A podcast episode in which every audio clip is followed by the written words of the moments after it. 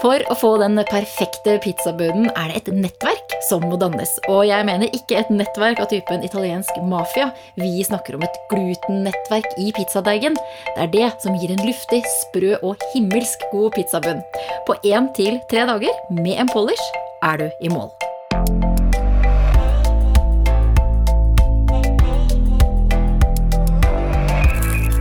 Velkommen til Matpratpodden. Jeg heter Katrine Ude, og med meg fra hvert sitt hjemmekontor er du Anette Fjelleng Hansen. Hei. Hallo. Og Therese Helstad. Hallo. Hei. Begge er eksperter på mat i Matprat. Og nå skal det nerdes skikkelig for alle pizzaelskere der ute. Anette, aller først. Er det, er det virkelig verdt det å bruke opptil ja, tre dager, kanskje mer, for å få en perfekt pizzadeig? Ja, altså Først og fremst så blir jo eh, smaken den blir jo helt annerledes. Eh, og hvis du har smakt det her, eh, en, en, god pizzadeig, så, så, er det egentlig ikke noe vei tilbake, vil jeg si. Eh, en god eh, pizza i Italia, det, hvis du vet hva jeg snakker om, så ja, det tar litt grann tid.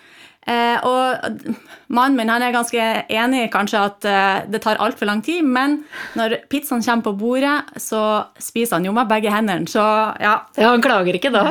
Han klager ikke da, og til og med ungene har jo reagert på at uh, de begynner jo faktisk å kjenne forskjell på om jeg har lagd, latt pizzadeigen stå i én dag, en dag, tre dager, eller ja, kanskje opptil fire dager òg, så begynner å bli kravstor.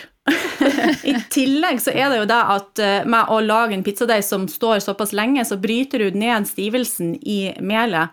Eh, og dermed så er det jo også sånn at når du spiser denne pizzaen, da, så blir det jo ikke like tung i magen som du ville ha blitt med en vanlig lørdagspizza. Du er nesten vil jeg si, klar for joggetur, hvis motivasjonen er der, da. Såpass, ja. Og det er, jo, det er jo superbra.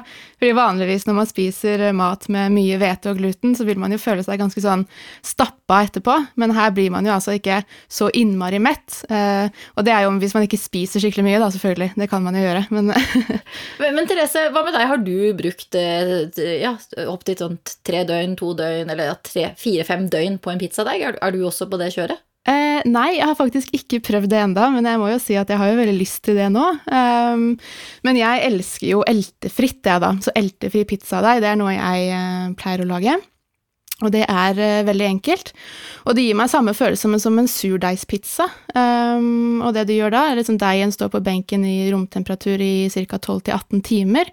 Uh, da utvikler det seg en sånn god smak, og du får en veldig luftig deig med sprø og god skorpe. Så det er alltid min go to når jeg skal kose meg litt ekstra. Ah, ok, så du, du, pleier å bruke en enklere variant. Da foreslår jeg at mm. vi tar den uh, mest avanserte først, uh, med deg, Anette. Og så tar vi hurtigvarianten din, Therese. Selv om 18 timer er jo heller ikke hurtig, men i, i, pizza, i perfekt pizzadagverden så er det det. Anette, hva er det, det første man skal gjøre for å lage en perfekt pizzadeig med, med polish? Altså Det første du må finne ut av, som jeg vil si, det er jo eh, faktisk når skal du spise, egentlig. Eh, det er nemlig masse som skal skje, og eh, man må gjerne planlegge lite grann. Men når du har liksom kontroll og fått kontroll på tider og prosessene i underveis, da, så kan du begynne å regne bakover. Så jeg vet ikke når du har lyst til å spise, da. Ok, ja, men la oss si sånn lørdag klokka seks, altså klokka 18 til barne-TV. Da, da, er det klart for pizza hos meg. Ja.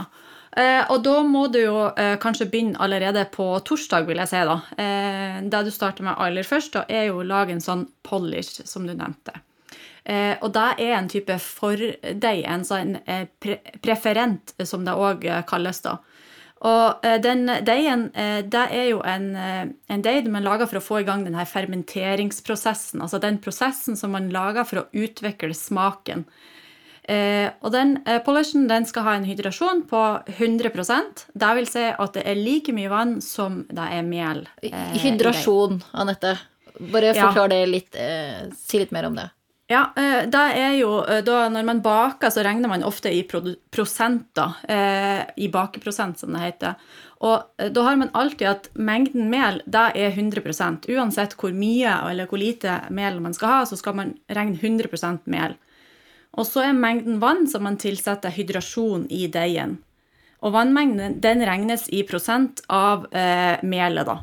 Så i en polish som er, eh, eh, der det er like mye vann som mel, så er det 100% da.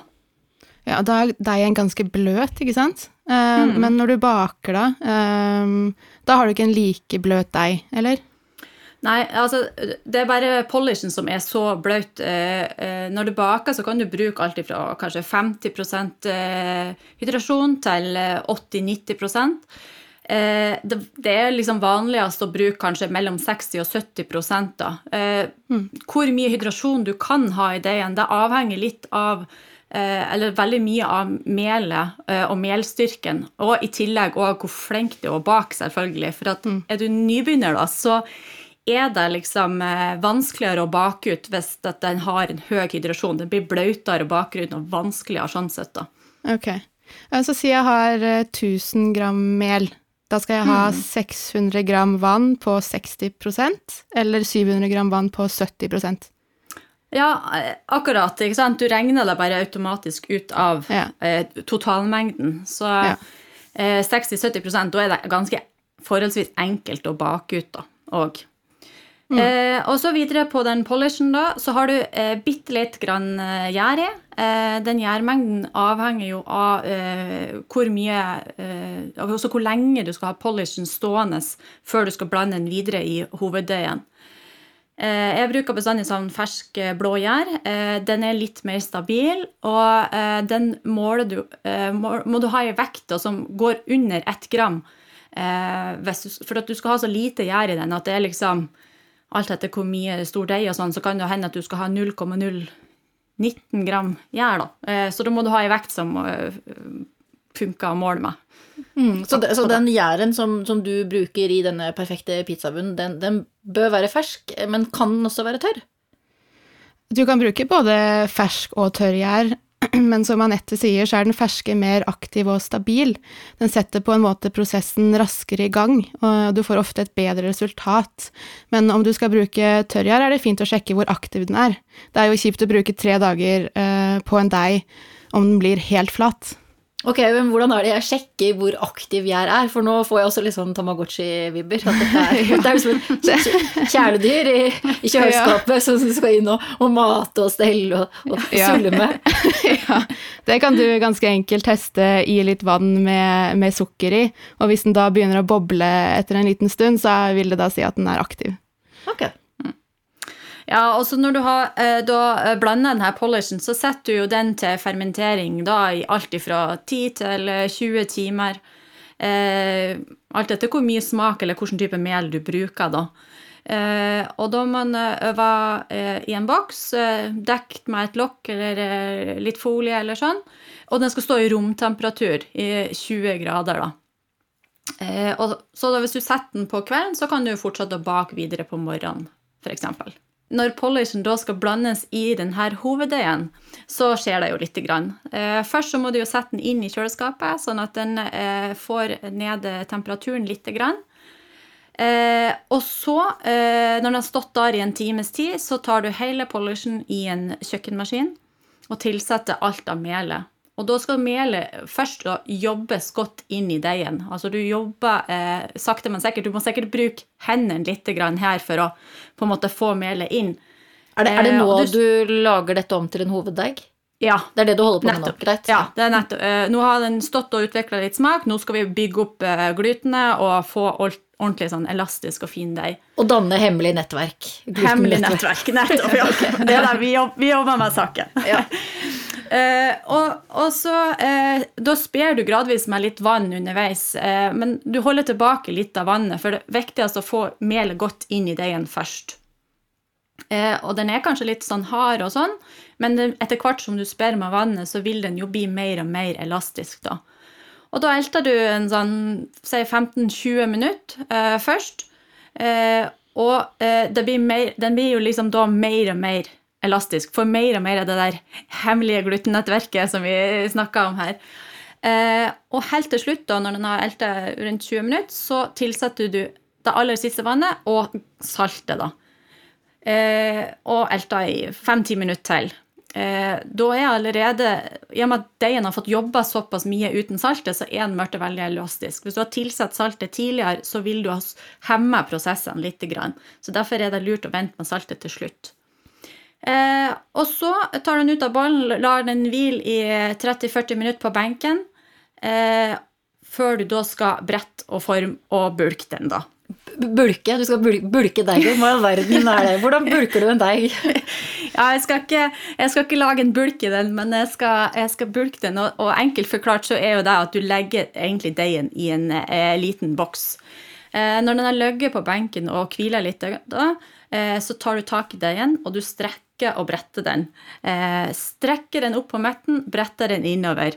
Dette er en liten sånn eh, prosess, en teknikk man kan lære seg med, med hendene. da.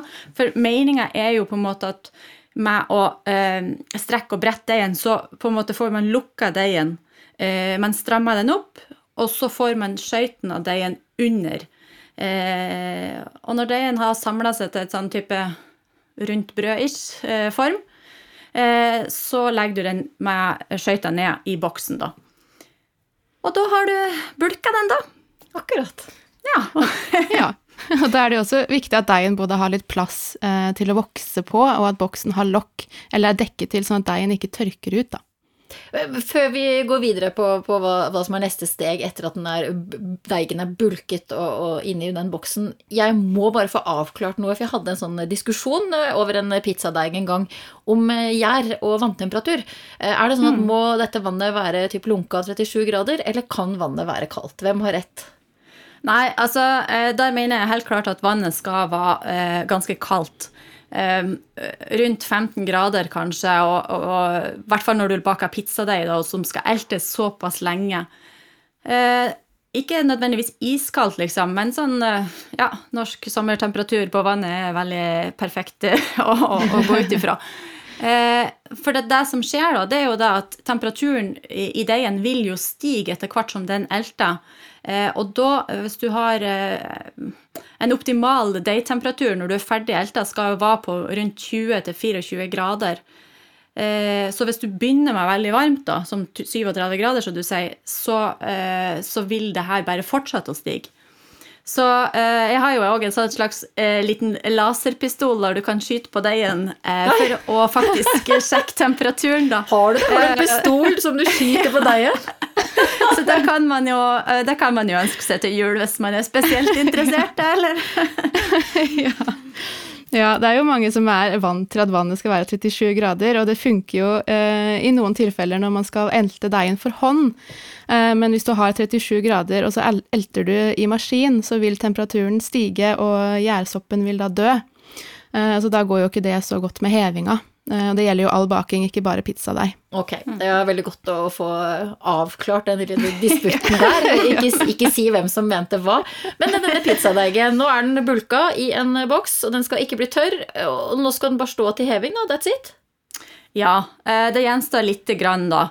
Eh, selvfølgelig. ja, selvfølgelig. Først så skal man jo Den skal stå i RT, som mange sier. Det er da romtemperatur. Eh, i et par timer før du setter den i eh, kontrollert temperatur. da. Ok, Det har utviklet seg et eget sammespråk for, ja, eh, ja. for denne, denne, denne, kulten?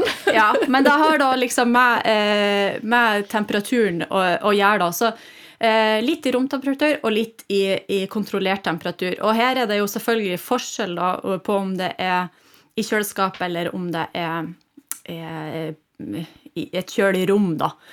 Eh, men nå skal jo da deigen stå og utvikle smak og det her glutennettverket. Og hvor lenge egentlig, det avhenger jo både av eh, hvilken meltype du bruker, styrken på melet, hvor mye proteiner melet inneholder. og og det sier mye om hvor lenge eh, deigen kan stå. da. Så det kan være alt fra liksom 12 timer til 90 timer. hvis du, ja. Men er det så stor forskjell på, på mel, da? Absolutt. Eh, her er det jo ganske mye å tenke på, egentlig, og ganske mange meltyper å velge. Eh, jeg er jo veldig glad i de her produktene fra Caputo, egentlig. Eh, men det er masse forskjellige varianter. Og eh, da har jo melet har en melstyrke da, som måles eh, med flere metoder, men det står ofte på pakken eh, i form av en W, da, eh, som den har fått navn ifra, den som sikkert eh, fant den opp, da. Så det er jo alt ifra eh, to, altså 100, 150, 200, 300 til sterkere og sterkere, da, så står det et W foran. Og melstyrken den forteller oss jo litt om evnen som melet har til å utvikle uh, gluten. og et, et svakt mel, da, det vil jo ha et lavere innhold av proteiner, så rundt sånn 9% Og da kan melet absorbere mindre vann, så du kan ha mindre hydrasjon i, i deigen. og motsatt så er det jo da at et sterkt mel, da har alltid fra 11-16% proteiner i seg. Eh, det kan absorbere ganske mye vann. Så eh, et sterkere mel vil sånn sett tåle å stå lenger, ha en lengre fermenteringsprosess og utvikle mer smak, da. Uten å bli overgjæra. Det vil man jo heller ikke. Men hva er det egentlig som skjer da, når dette glutennettverket, som jeg da har hengt meg litt opp i, når det dannes? Det, det såkalte hemmelige nettverket som bare skjer i, i deigen? Altså, ja, For det første så er det amylaser i kornet eh, som bryter da ned stivelsen som gir glukose. Og glukose det er jo da eh, mata for, for gjæra. Eh, og når eh, deigen eltes, så eh, går den her nedbryta. Den tar seg kraftig opp. Den går mye, mye raskere. Eh, og den fortsetter jo når deigen òg står i bulk, da. Og så har du de eh, uløselige proteinene i melet, glutenin og gliadin. Og glutenin det er det som er med på å på en måte ja, strekke deigen, da, eh, kan man si. Eh, mens eh, gliadin det er det som gjør at deigen blir mer elastisk. Så når de her liksom jobber sammen og fletter seg sammen og legger seg liksom litt sånn lagvis, så danner de da det her glutennettverket. Der den ene strekker, og den andre er elastisk. Så de jobber liksom mot, mot hverandre, eller sammen. Og da vil jo da gjæra danne denne gassen imellom lag av de her eh, proteinene, som gjør at det blir liksom små sånn gasslommer innimellom. Eh, og blåser seg opp da etter hvert og blir luftig og ja. Ja, og bruker man steinmalt mel, så kan jo dette også gi bedre heving, fordi det er mer enzymer i melet etter produksjonen, som bryter ned stivelsen og gir en bedre heveprosess, da. Mm. Eh, det her er jo et helt eh, fag, det går det opp for meg nå. Og, man må bare holde tunga rett i munnen. Hva, hva skal man gjøre neste steg, Anette? Ja, nå er det jo etter hvert tid, når den har stått lenge i, i setet, som vi sier da. Så, kontrollert temperatur? Eh, kontrollert temperatur. Eh, så er det etter hvert tid for å eh, balle denne her deigen. Som man jo òg Det er jo òg et nytt sånn At man baller deigen. eh, Eh, da kan det lønne seg å, å temperere den òg eh, i en time eller to på, på benken, eh, for at det er lettere å balle en romtemperert deig. Men man kan balle den rett ute fra kjøleskapet òg, så da velger man jo litt sjøl. Det jeg bruker å gjøre, det er at jeg deler den opp i eh, veier eh, ca. 250-260 gram eh, sånn emne som jeg deler opp. Eh, og så eh, prøver jeg å samle hver av her emnene til en ball. Eh, der er det òg en spesiell teknikk som du bruker, for at du, eh, du skal ikke rulle deigen som, som vanlige boller, at du bare ruller den rundt, men du skal på en måte samle og strekke eh, deigen innover og, og, rundt, sånn at den skøyten blir nede, og du får en sånn stram og fin over, overflate. da. Eh, poenget er jo at den skal bli spenstig, da. Og så skal jo den ligge og etterheve. Eh, da kan du jo gjøre både i romtemperatur eller i kontrollert temperatur, alt etter når du skal bruke den, da. Men eh, to til åtte timer på benken, så er den jo egentlig klar, da, vil jeg si. Ja, Og da blir én ball én pizza, da, ikke sant? Ja, ikke sant. Eh, da, da har du én ball som eh, etter hvert er bare å bruke eh, bake ut, da. En og en av de her ballene. Og da må man jo for guds skyld ikke kjevle. Da skal man strekke og forme deigen på midten, ha litt godt med mel på benken. Strekk og forme, lage seg en sånn fin, rund bevegelse på benken. Sånn at du får forma den her til en rund, rund pizza, da. Og da eh, vil jeg jo si at det lønner seg å, holde seg unna kanten når man gjør det her, for at, eh, for at du skal få en luftig og fin eh, kant, da, ikke sant. Ja, og det som også har en del å si, det er jo steking og steketid. Mm, og der er det jo veldig mange valg. Der er det jo eh, skal se, pizzaplate, pizzastein, pizzaovn, eh, vanlig stekeovn, også pizza på grillen. Det har jeg, har Ja, jeg, fått til jeg stemmer for pizzaovn. Hvis man skal ha den ultimate italienske opplevelsen, så, Ja, men så du er jo kokk. Hallo, du er kokk. Jeg skjønner jo at du Ja. har pizzaovn, men eh, for, for alle oss andre da, som ikke har en sånn fancy pizzaovn, hva, hva, anbefaler du da, Therese, av eh, plater, steiner Ja, her er det jo veldig mange muligheter. Og man kan selvfølgelig bare steke i ovn, eh, men en pizzastein eller pizzastål vil også gi et bedre resultat, da. Eh, du vil ende opp med en bedre pizza, rett og slett. Men uansett hva du velger, så velg kvalitet. Eh, pizzastein er jo også, ofte rimeligere enn pizzastål. Og noe som er viktig å huske på, er at steinen lett kan sprekke om den ikke legges inn i en kald ovn. Da. I tillegg så vil eh, pizzastål lede varmen bedre enn en pizzastein. eh, Det er fordi at stålet tåler høyere temperaturer, eh, som igjen vil si at pizzabunnen blir da stekt bedre. Therese, hvor høy temperatur bør jeg ha på, på stekeovnen? Så høy temperatur som mulig, egentlig. Det høyeste du får på ovnen din, tenker jeg at det er det beste, for da får pizzaen litt sånn sjokkvarme og, og får en veldig god smak. Um, Et lite tips er om du skal lage pizza til mange, så lønner det seg å halvsteke bunnene først. Så går det mye fortere når du tar på topping. Så da trenger du liksom bare slenge den inn i ovnen, så om et par minutter da, så er den klar til servering. Mm. Eh, Jeg kjenner jeg ble litt usikker på alle disse mengdene og tidene, eh, temperaturer, eh, alt som vi har snakket om. Det er ganske avansert, Anette. Ja, det er det. Og her er jo en hel verden å på en måte sette seg inn i hvis man er spesielt interessert. For det er så mange valg å ta. Man kan liksom eh, eh, gjøre eh, mye og komme fram til et godt resultat, da. Eh, og eh, nettopp for å holde litt sånn styr på hvert fall mengde og hydrasjon og gjærmengde og alt det vi snakker om i forhold til temperaturer og ballstørrelse og antall Hvis man skal en dag ha fem pizza, og neste dag skal ha ti pizza, så at man skal slippe å på en måte regne ut det her i hodet sjøl, så, eh, så bruker jeg i alle fall jeg en, en app. eh, En Fins det en app? Det fins en app! Kunne ikke sagt det med en gang? Det fins en app, folkens! Det er håp! Eh, man kan selvfølgelig være ekstra nerd og regne ut det her på papiret sjøl, men altså, det er litt lettere å bare plotte inn alt etter det som passer det best.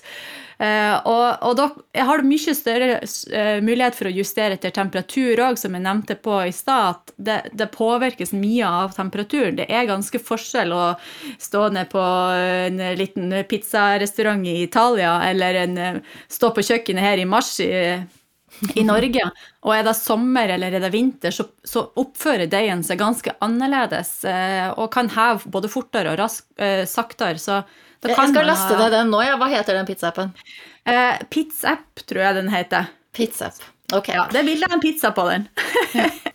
ok, nå har vi lært å lage selve diamanten av en pizzadeig. Så hvordan kan man få en god deig på mye kortere tid? Eh, Kanskje da uten en fancy app og uten for mange trinn og, og spesialvekt og pistoler som, som skytes mot deigen. Du, kan, du kan få en god deig om du dropper polish òg, så lenge da du elter godt. For det er jo liksom den elteprosessen for å få de her proteinene og det der til å jobbe i deigen og utvikle det her eh, nettverket uansett, da. Eh, så, eh, så er det jo viktig. Og det finnes jo òg meltyper, f.eks. pizzeriaer fra Caputo, som, som brukes til å lage sånn raskere deiger. da, som ikke, De kan heller ikke stå lenge. Så, så man må tilpasse meltyper alt etter tid. Eh, Men du kan slippe unna med både bulking og balling, og, lag og lage det og slippe unna med en day på fire timer. Da har man liksom tid til jeg. Ja, altså, ja, og så har du jo også en eltefri pizza, da, som jeg nevnte tidligere. Ja, nå kommer vi til Ja. din, din Ja. metode. Det er Eh, Thereses ja. metode. Dette er få høre. No Altså, work. Ja, altså eltefrie deiger det tar jo litt uh, lang tid, men det krever veldig liten innsats, som jeg er veldig fan av. Eh, tiden handler bare om eh, at den skal stå og heve mens du gjør helt andre ting. Oh, det er mens du ser på TV, eller eh, ja, hva nå enn man gjør. Så hvis du skal lage en eltefri pizzadeig, da, så rører du bare raskt sammen mel, vann, salt og gjær. Dekker det til, og så lar du det stå i eh, 12-18 timer. Så her kan du jo velge litt, da. Hvis du er en skikkelig morgenfugl, så kan du jo sette deigen tidlig på morgenen, men du kan også sette den sent på kvelden før, altså. Mm, eh, Hvor mye gjær, Therese, når du sier 12-18 timers heving? Er det noe tommelfingerregel å følge på gjærmengde? Ja, altså det er nok eh, noen bakeprosenter man kan følge her også, eh, men ca. en teskje tørrgjær på 1 kilo mel er nok en fin mengde å følge. Fordi meningen her er jo å bruke lite gjær, siden gjæren vokser og utvikler seg konstant. Så når en deig står såpass lenge, så vil den heves nok uansett, da. Eh, Så når, den stått, eh, når denne deigen da har stått i alle disse timene, så eh, heller man deigen ut på et bakepapir med masse mel på, og så bretter man kanten av deigen inn mot midten. Uh, og når dette er gjort, så legger man da den bakebollen man hadde, over deigen igjen, som et sånt lite hus, og så lar man da etterheve i uh, 30 minutter. Og så kan du da forme deigen til enten én eller flere pizzabunner. Ja, og så ettersom det her er jo en deig med høy hydrasjon i, ikke sant? Den, den, er, den kan være litt vanskelig å bake ut, og det er jo det er jo rett og slett for at eh, man ønsker jo høy hydrasjon av at eh, vann leder varmen bedre, da. Og da blir den mer luftig når den, har, eh, når den skal steikes. Men det bak, liksom formen over håndflatene, eller håndbaken heter det vel gjerne, eh, og la den henge litt i lufta, så greier du også å få en fin eh, eh, deig, altså pizza kjevla, ikke kjevla ut, for du skal ikke bruke kjevle her heller, men å forme den fint ut uten å ødelegge for mye av luftlommene inni deigen. da. Mm. Resultatet blir en sånn skikkelig sprø og luftig deig, nesten som surdeig, og det syns jeg er skikkelig, skikkelig digg at man kan gjøre noe så enkelt som blir så godt. Og hvis du som hører på, prøver deg på en pizzadeig med polish, så vil vi gjerne se bilde av den og vite hvor mange dager du brukte, og om det ble like godt som det Anette sier at det er. Tagg oss eller bruk hashtag matprat, og hvis du har spørsmål som du vil at vi skal ta opp her i Matpratpodden, så send oss gjerne en e-post på post.matprat.no, eller send oss en melding på Facebook eller Instagram. Vi hørs!